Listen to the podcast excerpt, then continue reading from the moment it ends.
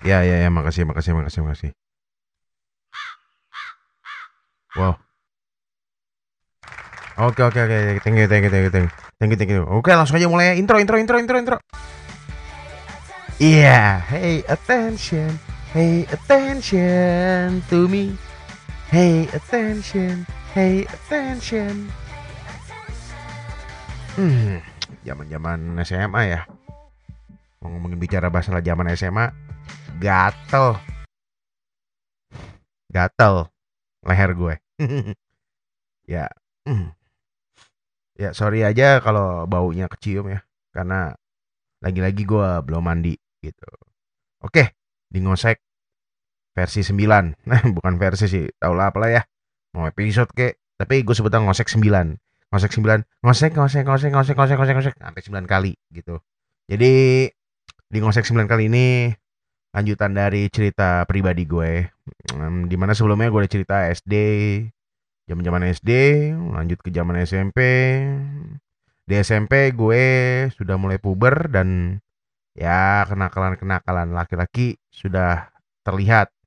Itu seperti yang gue pernah ceritain sebelumnya ya kan. Lempar batu ke rumah orang dan sebagainya seperti itu. Nah, di SMA nakal dikit berprestasi tetap tidak. ya jadi memang gue nggak bakat kayaknya gue tuh di uh, mungkin gue diciptakan ke dunia nggak bakat buat jadi pinter uh, ilmu pelajaran kayaknya. um, ilmu pelajaran yang paling bagus nilainya selalu adalah uh, penjas kayaknya kalau gue penjas sama bahasa Indonesia deh yang paling bagus. Itu doang kayaknya sih. Iya nggak ada yang lebih gitu. Nah di masa SMA ini uh, masih dibilang masa yang paling seru menurut gue. Masa-masa terakhir yang paling seru selama remaja ya. Karena menurut gue di kuliah itu lo udah mulai pendidikan yang pangkat itu lebih serius. Bukan berarti dari SD SMP SMA tuh nggak serius ya bukan berarti seperti itu. SD SM, SMP dan SMA itu adalah membentuk jati diri di mana nanti jati diri kita itu akan lebih dieksplor lagi minat lo bakat lo ketika lo kuliah gitu. Atau ketika lo eh, D3 atau mungkin SMK gitu ya. Jadi menurut gua dari SD sampai SMA itu membentuk jati diri. Nah di SMA ini eh, ada kenangan indahnya ada biasa-biasanya biasa-biasa aja. Ada kenangan pahit sih gitu. Kenangan pahitnya ya ada nanti gue ceritain lah. Masa gue ceritain sekarang ya kan? Ntar lo pada nggak gitu. Enak aja lo mau nipuin. Oke okay. um, di SMA ini gue lulus dari SD eh, SD lagi. Lulus dari SMP itu kan UAN masih UAN gue ujian nasional. Gue lulus dari SMP gue sebelumnya dan gue ke SMA Jakarta. SMA Jakarta gue di Pulau Gebang. Dan sekarang SMA-nya sih kayaknya udah nggak ada deh. Kayaknya udah nggak ada gitu. Gue nggak tahu sih. Tapi di wilayah Pulau Gebang, nah gue sekolah di situ. Gue masuk sekolah baru, terbilang sekolah baru. Jadi sekolah itu sekolah yang baru dibangun, baru berdiri sih sebenarnya. Sebenarnya itu adalah sama sih, yayasan Buddhis juga, cuman eh dia itu tadinya itu adalah kampus. Jadi kampus sebenarnya kampus dengan yayasan Buddhis. Cuman pada saat gua mau lulus eh, apa namanya yayasan itu membangun sebuah SMA. Jadi kalau sore untuk kampus, kalau pagi sampai jam 3 itu untuk anak-anak kuliah, eh, sorry, anak-anak SMA. Nah, jadi gue angkatan pertama di SMA itu. Jujur gue angkatan pertama di SMA itu. Dan pada saat itu jumlah oh, uh, jumlah siswanya adalah setahu gue ya seingat gue itu uh, kalau nggak salah 9 orang. Jadi gue cuman satu sekolah SMA pada saat itu angkatan pertama isinya hanya 9 orang. Dan 9 orangnya itu adalah notabene 90% berasal dari teman-teman gue waktu SMP. Iya. Jadi SMA itu uh, mem mempromosikan eee, brosurnya itu atau sekolahnya itu ke SS ke SMP gue waktu gue mau lulus. Nah, gue sih nggak ada tersirat untuk masuk ke situ dulunya gitu kan. Tapi karena gue dari SMP itu nggak bisa masuk SMA negeri dan, eee, orang tua gue juga, eee, nggak mau masuk SMA swasta yang biasa-biasa aja, jadinya dimasukin ke yayasan Buddhis juga gitu, katanya menurutnya bagus, kata orang tua gue. Dan memang bagus, hanya 9 masis 9 siswa sorry, hanya 9 siswa gitu kan.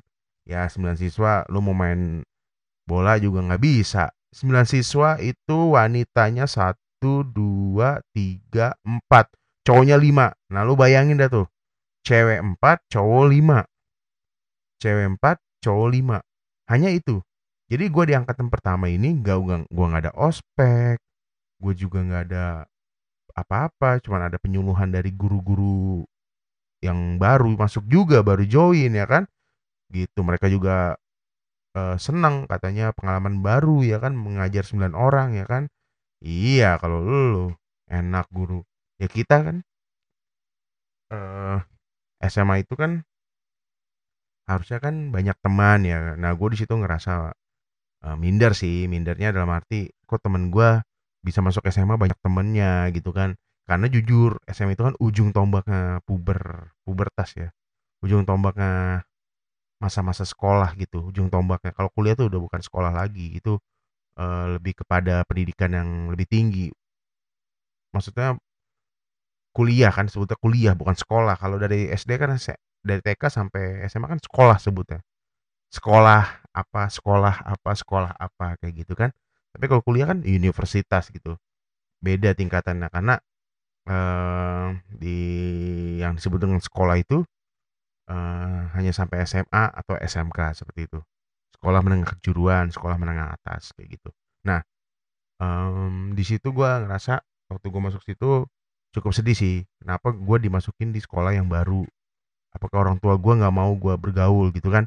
Gue berpikir seperti itu, tapi itulah itulah adanya gitu, itulah kenyataan yang harus gue terima ya kan.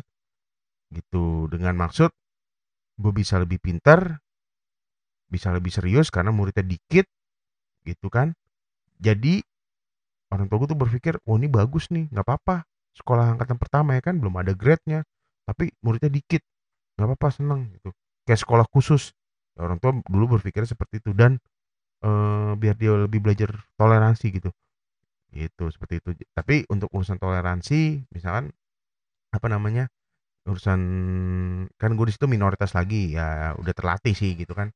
Dan di antara 9 siswa itu yang beragama muslim ada sat oh hanya 2, gua cowok dan 1 cewek temen gua, itu 2 doang gua. Jadi setiap kali gua belajar agama itu, gua gua di ruangan berbeda dan di kelas berbeda dan hanya isinya 2 orang, gua sama temen gua doang gitu kan. Gitu, ya mau nggak mau kita 9 orang tuh selalu akrab. Ada ada selisih paham, ya gitu kayak saudara jadinya gitu kan, kayak saudara dan gua akuin itu pertemanan kita erat. Hanya 9 orang, lu berteman cuma 9 orang, marahan 1 orang ketahuan gitu kan. Gitu. Jadi itu erat banget tuh, erat banget gua pertemanannya. Sampai belajar kelompok aja udah nggak ada perbedaan kelompok, paling kalau dibagi kelompok tuh 2 kelompok doang, 5 banding 4 gitu kan, 5 orang banding 4 orang gitu. Gitu. Jadi, mmm, SMA ini menurut gua zaman-zamannya gua merasakan eratnya itu pertemanan di situ karena cuma 9 orang ya kan. Lalu berlanjut, eee, di kelas 1 SMA gua menjalani, singkat cerita ya kan setiap ekskul eh, setiap ekskul, setiap pelajaran olahraga ya gue cuman main basket, itu juga gabung ya kan. Lapangan ada, lapangan basket ada, lapangan badminton ada sekolah gue tuh. Cuman muridnya kurang ya kan. Gitu, karena lapangan itu dipakai buat anak-anak kuliah gitu kan. Kalau yang malam, pulang malam mau olahraga dulu bisa di situ. Jadi ya gitulah pokoknya. Singkat cerita berlanjutlah eee, naik ke kelas 2 SM naik ke kelas 2 SMA. Nah, di kelas 2 SMA ini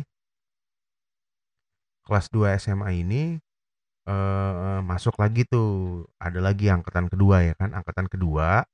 Nah, di angkatan kedua ini lebih banyak muridnya, itu kalau nggak salah angkatan kedua ini adalah itu sampai Mmm, 15 orang apa 20 orang ya?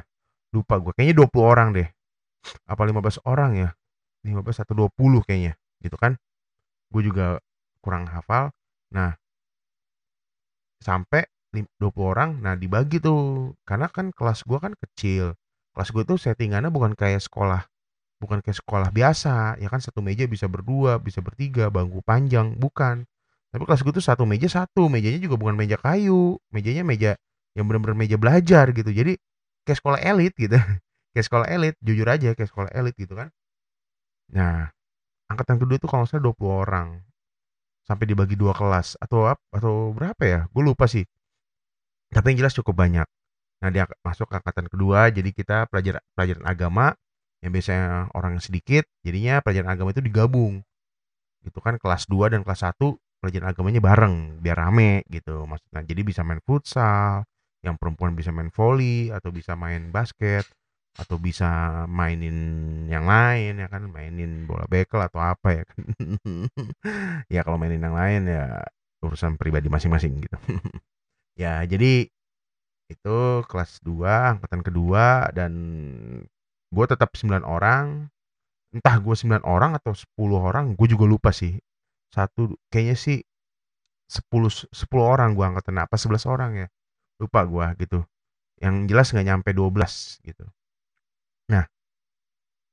Di situ teman-teman di angkatan gua, di angkatan pertama gua juga ada satu temen gua yang paling pinter di kelas, jadi rebutan, orangnya juga kocak, gitu kan, eee, sering diburu oleh para wanita ya kan, teman-teman gua pada cewek-cewek itu pada sering bercanda, senang bercanda sama dia, selain pinter ya kan, dia juga lucu ya kan, beda sama gua gitu kan, goblok tapi nggak lucu gitu kan. Jadinya ya gua cuman jadi tumbal kalau dia lagi nggak masuk ya gua dia baru eee, temen-temen gue yang cewek pada pada main sama gua gitu. Tapi giliran pada masuk, uh, heboh dia. Dia jadi apa ya, jadi nomor satu gitu temen gue itu. Tapi nggak apa-apa seru gitu kan, gue juga deket sama dia gitu dulu. Nah, sampai kelas 2 juga dia masih pintar, lanjut ke kelas 3. Di kelas 3 nih, nah ini masuk ke kelas 3 gua, jadi udah ada angkatan ketiga. Nah, di angkatan ketiga ini lebih banyak lagi muridnya. Ini lebih banyak lagi muridnya dan ada sesosok wanita yang bener-bener eee, gue jatuh cinta waktu itu. Sebenarnya jatuhnya mungkin ini beda ya, kalau dibilang cinta monyet levelnya ini atasnya cinta monyet, tidak seperti SMP. Gitu, kalau SMP mungkin suka ya karena suka-suka aja, karena pengen pengen punya cewek gitu kan, pengen pengen apa sih pacaran itu, gitu. Tapi kalau ini bener-bener gue suka gitu kan, orangnya putih ya kan, Chinese gitu kan. Oke lah gitu dan gue juga curhat sama temen gue, gue suka sama dia ya kan. Biasa ya kan, curhat sama temen cewek kan, minta pendapat. Zaman-zaman SMA kan serunya di situ gitu. "Oh lu suka Ron dia?" "Iya." "Gimana ya?" Gitu. "Oh gampang Ron, itu kan apa namanya, kan kalau cewek sama cewek kan, eee, karena di situ ceweknya sedikit ya kan di sekolah gua, jadi cewek sama cewek itu deketnya gampang gitu kan. Jadi, ya udah Ron kalau masuk dia gue bantuin deh gitu." Jadi temen cewek gue tuh ngebantuin gitu. Selalu men-setting waktu, "Ron, gue lagi ngobrol sama dia nih, lu datang ke sini dah, entar gue tinggalin." Gitu. Jadi udah kasih kode gitu. Zaman dulu tuh kalau nggak salah SMS kan, "Ron ke sini Ron." Jadi di sekolah gue tuh ada balkon kan, lagi ngobrol-ngobrol, terus tiba-tiba temen temen gua pergi. Nah dia tinggal sendiri baru gue ngobrol, kayak gitulah. Ya kayak gitulah pokoknya lah. Ya unyu-unyu gitu sih gitu. Nah, gue suka nih gitu kan, gue suka nih sama dia ya kan. Ya deket-deket deket-deket ya kan, biasa kalau pulang bareng dan naik angkot. Gue inget banget gue pulang itu naik angkot, naik ompreng eh, naik angkot sorry, naik angkot, entar jalan bareng, jadi dia masuk komplek dia, gue masuk komplek gua. Biasanya gue nganterin dia dulu gitu.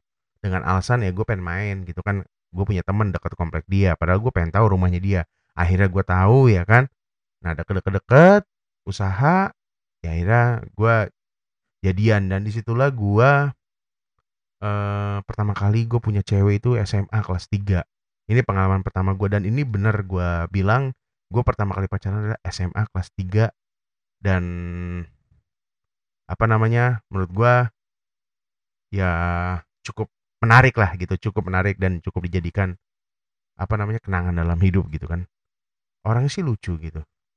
Nah, akhirnya gue jadian ya kan, setiap pulang kadang pulang gue anterin, kadang gue duluan ya kan. Tapi di satu sisi kalau biasanya gue tuh malu-malu ya kan, gue orangnya malu-malu gitu kalau di sekolah tuh nggak pernah gue nunjukin gitu. Gue nggak pernah nunjukin kalau gue harus perhatian sama dia, enggak. Jadi gue biasanya paling kan kalau dia lagi lagi apa namanya, lagi lagi kumpul sama teman cowoknya, gue kadang-kadang cemburu sih. Ya dulu kan cemburuan gitu, gue kadang-kadang cemburu, ya biasanya gue malamnya gue tanya, "Ngapain sih deket-deket kayak gitu?" Gue SMS kan ya, zaman dulu kan SMS mainan, nah handphonenya dulu kalau nggak salah tuh masih zaman-zamannya Nokia SMS kayak gitu, masih Symbian lah, masih Nokia yang Symbian gitu-gitulah pokoknya lah, gitu. Nah engage-engage gitu handphonenya. Oke.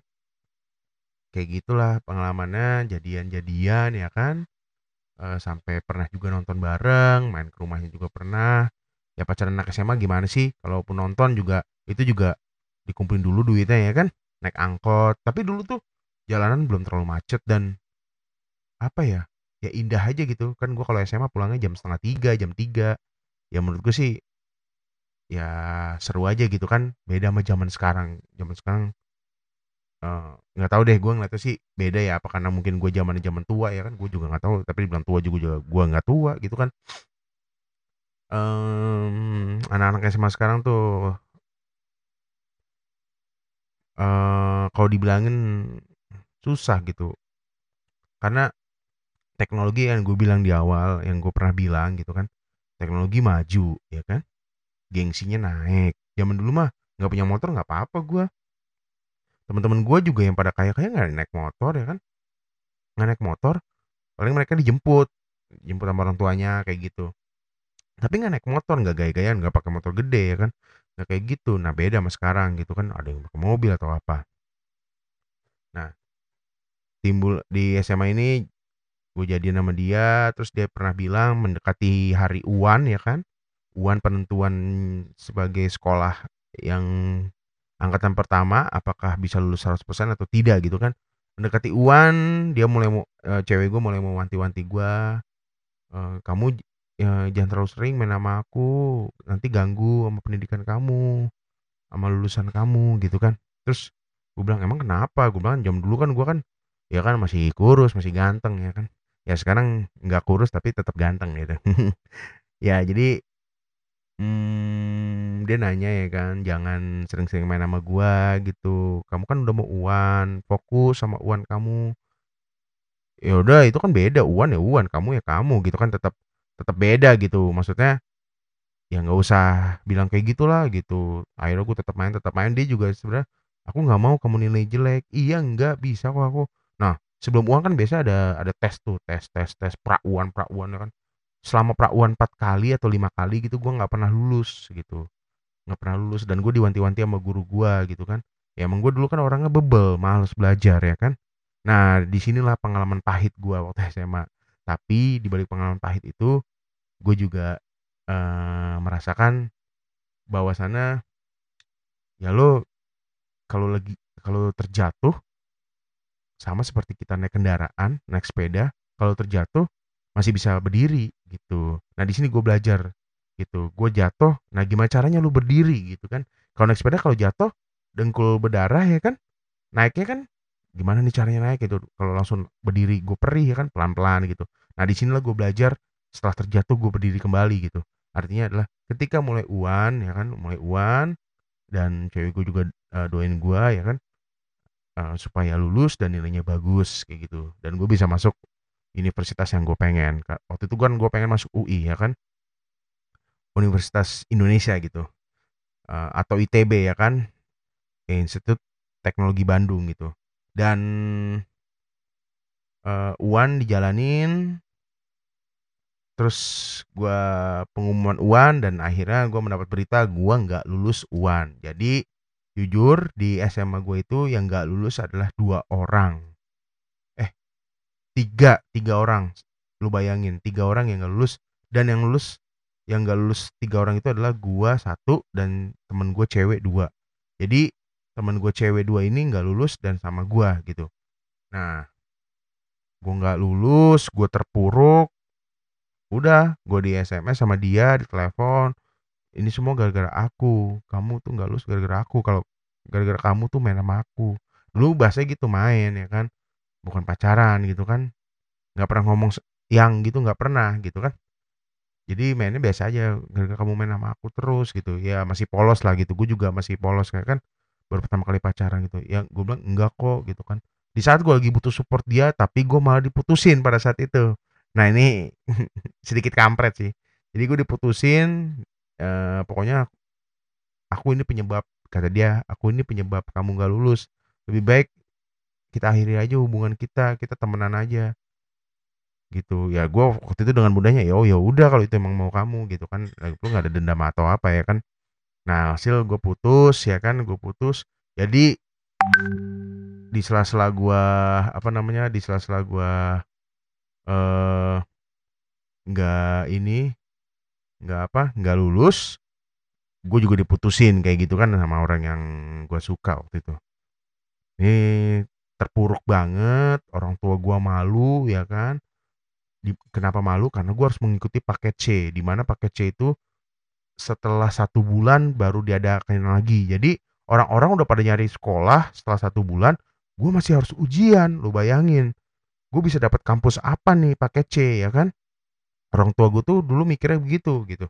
Nah, ya udahlah. Gua dengan lapang dada gue terima dan gue yakin gue bangkit di ujian paket C gitu. Kalau kalau untuk SMA kan paket C gitu. Akhirnya gue ikutin paket C, di paket C akhirnya gue lulus bertiga ya kan. Cuman pada saat mau pendaftaran kuliah itu semua udah mepet-mepet semua. Kuliah-kuliah udah pada banyak yang ditutup pendaftarannya udah penuh, udah penuh, udah penuh termasuk swasta ya. Dan gue kan realistis waktu itu. Udahlah swasta aja nggak apa-apa binus gitu. Gitu. Nggak masuk karena udah tutup, nggak bisa dan paket C gue ya kan.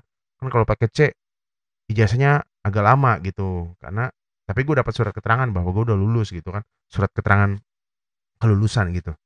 Nah, di situlah gue melihat perjuangan orang tua gue, terutama nyokap gue ya kan nganterin gue warawiri ke mana-mana. Um, nganterin itu juga nggak naik gokar, belum ada gokar dan dan dan tidak naik taksi. Jadi naik angkot dari rumah naik angkot nyambung naik metro mini. Terus gue ikut ujian mandiri di UNJ gitu kan, di UNJ gue ikut ujian mandiri ya kan. Itu nggak lulus juga ya kan. Dan petugasnya juga bilang gitu, soalnya apa anak ibu juga pakai C gitu kan. Alhasil gue kan kasihan sama nyokap gue kan udah nganter-nganterin gue gitu dari pagi sampai sore ya kan. Sampai jam setengah empat baru balik gitu. Dari mana-mana gitu. Nah, alhasil ya udah gue dap gue rezeki gue masuk kampus yang berlambangkan obor gitu. Ya, gue masuk kampus yang berlambangkan obor dan disebutnya sekarang Universitas of Gunadarma. Jadi Universitas Gunadarma. Nah, di situlah gue akhirnya masuk karena gue masuk itu di daerah Kalimalang gitu, daerah Kalimalang. Jadi pada saat gue nganter nyokap gue mau bayar AR PAM deket situ, nah itu gue ngeliat kampus, nyokap gue sih yang ngeliat sih. Terus akhirnya nyokap gue coba yuk kita masuk ke situ, siapa tahu masih buka daftar pendaftaran. Nah, akhirnya masuk, nyokap gue jujur bilang sama pokoknya intinya petugas sana dia bilang gitu kan e, pengen pendaftaran anak kuliah tapi ini udah tutup kalau untuk wilayah kalau di Bekasinya kalau mau ibu daftar di Depok. Akhirnya gue di Depok di cabangnya Depok kan. Gue ke Depok besoknya sama nyokap gue gue daftar. Itu tadinya nggak diterima gue kenapa? Karena ijazah gue pakai C. Gitu. Sebenarnya masih kita buka hanya untuk lulusan yang normal bu. Tapi kalau untuk paket C jujur aja. Gitu. Uh, kita kita agak ragu. Terus nyokap gue dengan susah payah kan bernegosiasi. Ragunya kenapa pak? Ini kan sama-sama jasa sama-sama dari negara kata nyokap gue gitu kan. Ya udah gue bilang gitu. Uh, gue cuman bisa ngeliat nyokap gue nangis ya kan. Uh, petugasnya juga mukanya sedih-sedih gitu dan gue bingung sih. Gue mesti sedih apa senang gitu kan. Ya emang gue anak gak tahu diri. Ya tapi itu ceritanya gitu. Ceritanya seperti itu. Itu real gitu. Jadi akhirnya gue diperbolehkan untuk ikut tes. Gue ikut tes. Sebenarnya gue udah diterima di situ. Gue ambil jurusan IT cuman gue harus ikut tes kenapa harus ikut tes karena gue buat menentukan grade pembayaran jadi kalau grade A itu bayar per semesternya berapa grade B berapa grade C berapa dan gue dapat grade B ya kan karena ya mungkin nilai gue kurang bagus juga pada saat tes jadinya grade B ya tapi lumayan lah masih nggak terlalu mahal banget gitu Nah, akhirnya gue masuklah di kampus itu. Sampai dengan 4 tahun kemudian gue lulus seperti itu. Nah, untuk cerita di kampusnya nanti aja. Gitu. Nanti aja gue ceritanya gitu kan. Siapa tahu gue bisa barengan sama temen gue kampus podcast bareng ya kan baru kita cerita nanti tentang kampus dulu. Karena eh lebih seru gitu kalau misalkan gue podcast bareng sama temen kampus gue gitu kan. Pengalaman-pengalaman yang pernah sekelas sama gue gitu. Nah, eh itulah uh, ending cerita singkat zaman SMA ke kuliah, ke awal kuliah ya. Jadi gue itu nggak nggak gampang buat lulus SMA. SMA gue nggak lulus sebenarnya. Pakai C gue SMA-nya. Iya, saya juga beda. ya biasa kalau anak ajaib memang begitu gitu. Tapi ya itulah. Eh gini men. Pendidikan apa ya? Ketika kita terjatuh di sebuah pendidikan hanya karena ujian tiga hari dengan kita sekolah tiga tahun hanya ditentukan oleh tiga hari itu sebenarnya nggak setimpal gitu apa pun alasannya tuh anak nggak belajar nggak setimpal nggak seperti itu cara cara pandang untuk lulusnya gitu. Jadi gue di situ gue sempet frustasi sih pas nggak lulus gitu kan. Orang tua gue malu nangis. Gue juga sempet kena pukul sama bokap gue ya kan. Gara-gara begini nggak pernah di, mau dibilangin gitu. Tapi ya gue balik lagi gitu kan. Balik lagi gue bisa nih jadi balikin keadaan nanti suatu saat nanti. Entah pada saat kuliah atau pada saat kerja gitu. Oke okay lah gue sekarang terjatuh tapi gue bisa bakal nanti banggain orang tua gue gitu kan. Nah lo mesti mesti kayak gini nih kita mesti kayak gini nih gitu. Kalau kita terjatuh tuh orang tua kecewa sama kita suatu saat kita akan balikin rasa kecewanya itu jadi kesenangannya dia gitu. Dan alhamdulillah sih uh, uh, setelah kuliah gue dapat kerjanya langsung nggak menunggu terlalu lama seperti itu. Alhamdulillah sampai sekarang kayak gitu. Nah itu kalau zaman-zaman SMA kan nggak lulus itu hanya dulu candaan ya hanya dulu ceng-cengan dulu aja udah. Lu kuliah juga nggak ditanya ijazah lo lu nggak ditanya SMA lo nggak dilihat kok. Lo masuk SMA, apa nih perguruan tinggi swasta nggak ditanya dulu kuliah sekolah di mana gitu nggak ditanya kecuali lo masuk perguruan tinggi negeri. Baru ditanya lu dari mana? Oh dari SMA negeri ini ya kan. Nah baru ditanya tapi kalau lu swasta mah ngapain? nanya ya kan. Swasta semua juga bisa masuk yang penting punya duit ya kan kayak gitu. Nah itu aja lah cerita yang bisa gue bagiin untuk zaman SMA jadi ada menariknya menariknya gue jatuh cinta pertama dan gue dapat teman-teman yang erat ya. Karena gue angkatan pertama di SMA gue itu dan hanya 9 orang atau 11 orang seperti itu. Nah pengalaman buruknya ya gue nggak lulus. Gue laki-laki satu-satunya murid laki-laki yang nggak lulus. Dan gue menemani dua wanita temen gue gitu jadi temen gue yang cewek dua itu gue temenin. Nggak lulus kasihan dong. Kalau nggak temenin buka bukan nggak mau nggak lulus tapi emang gue kasihan gitu. Jadi gue jadi gue temenin deh gitu. Alasan aja loh ya mungkin segitu aja kali ya untuk uh, ngobrol-ngobrol asek kali ini. Uh, tetap jaga kesehatan dan selalu waspada. Uh, bangkit lagi jika kalian dalam kondisi terjatuh, cobalah untuk bangkit lagi karena sebelum umur berhenti, kesempatan itu masih ada menurut gua. Sebelum umur kita berhenti, kesempatan itu selalu ada. Oke? Ba uh, ketemu lagi di ngosek berikutnya. Stay with pleasure and grateful. Dadah.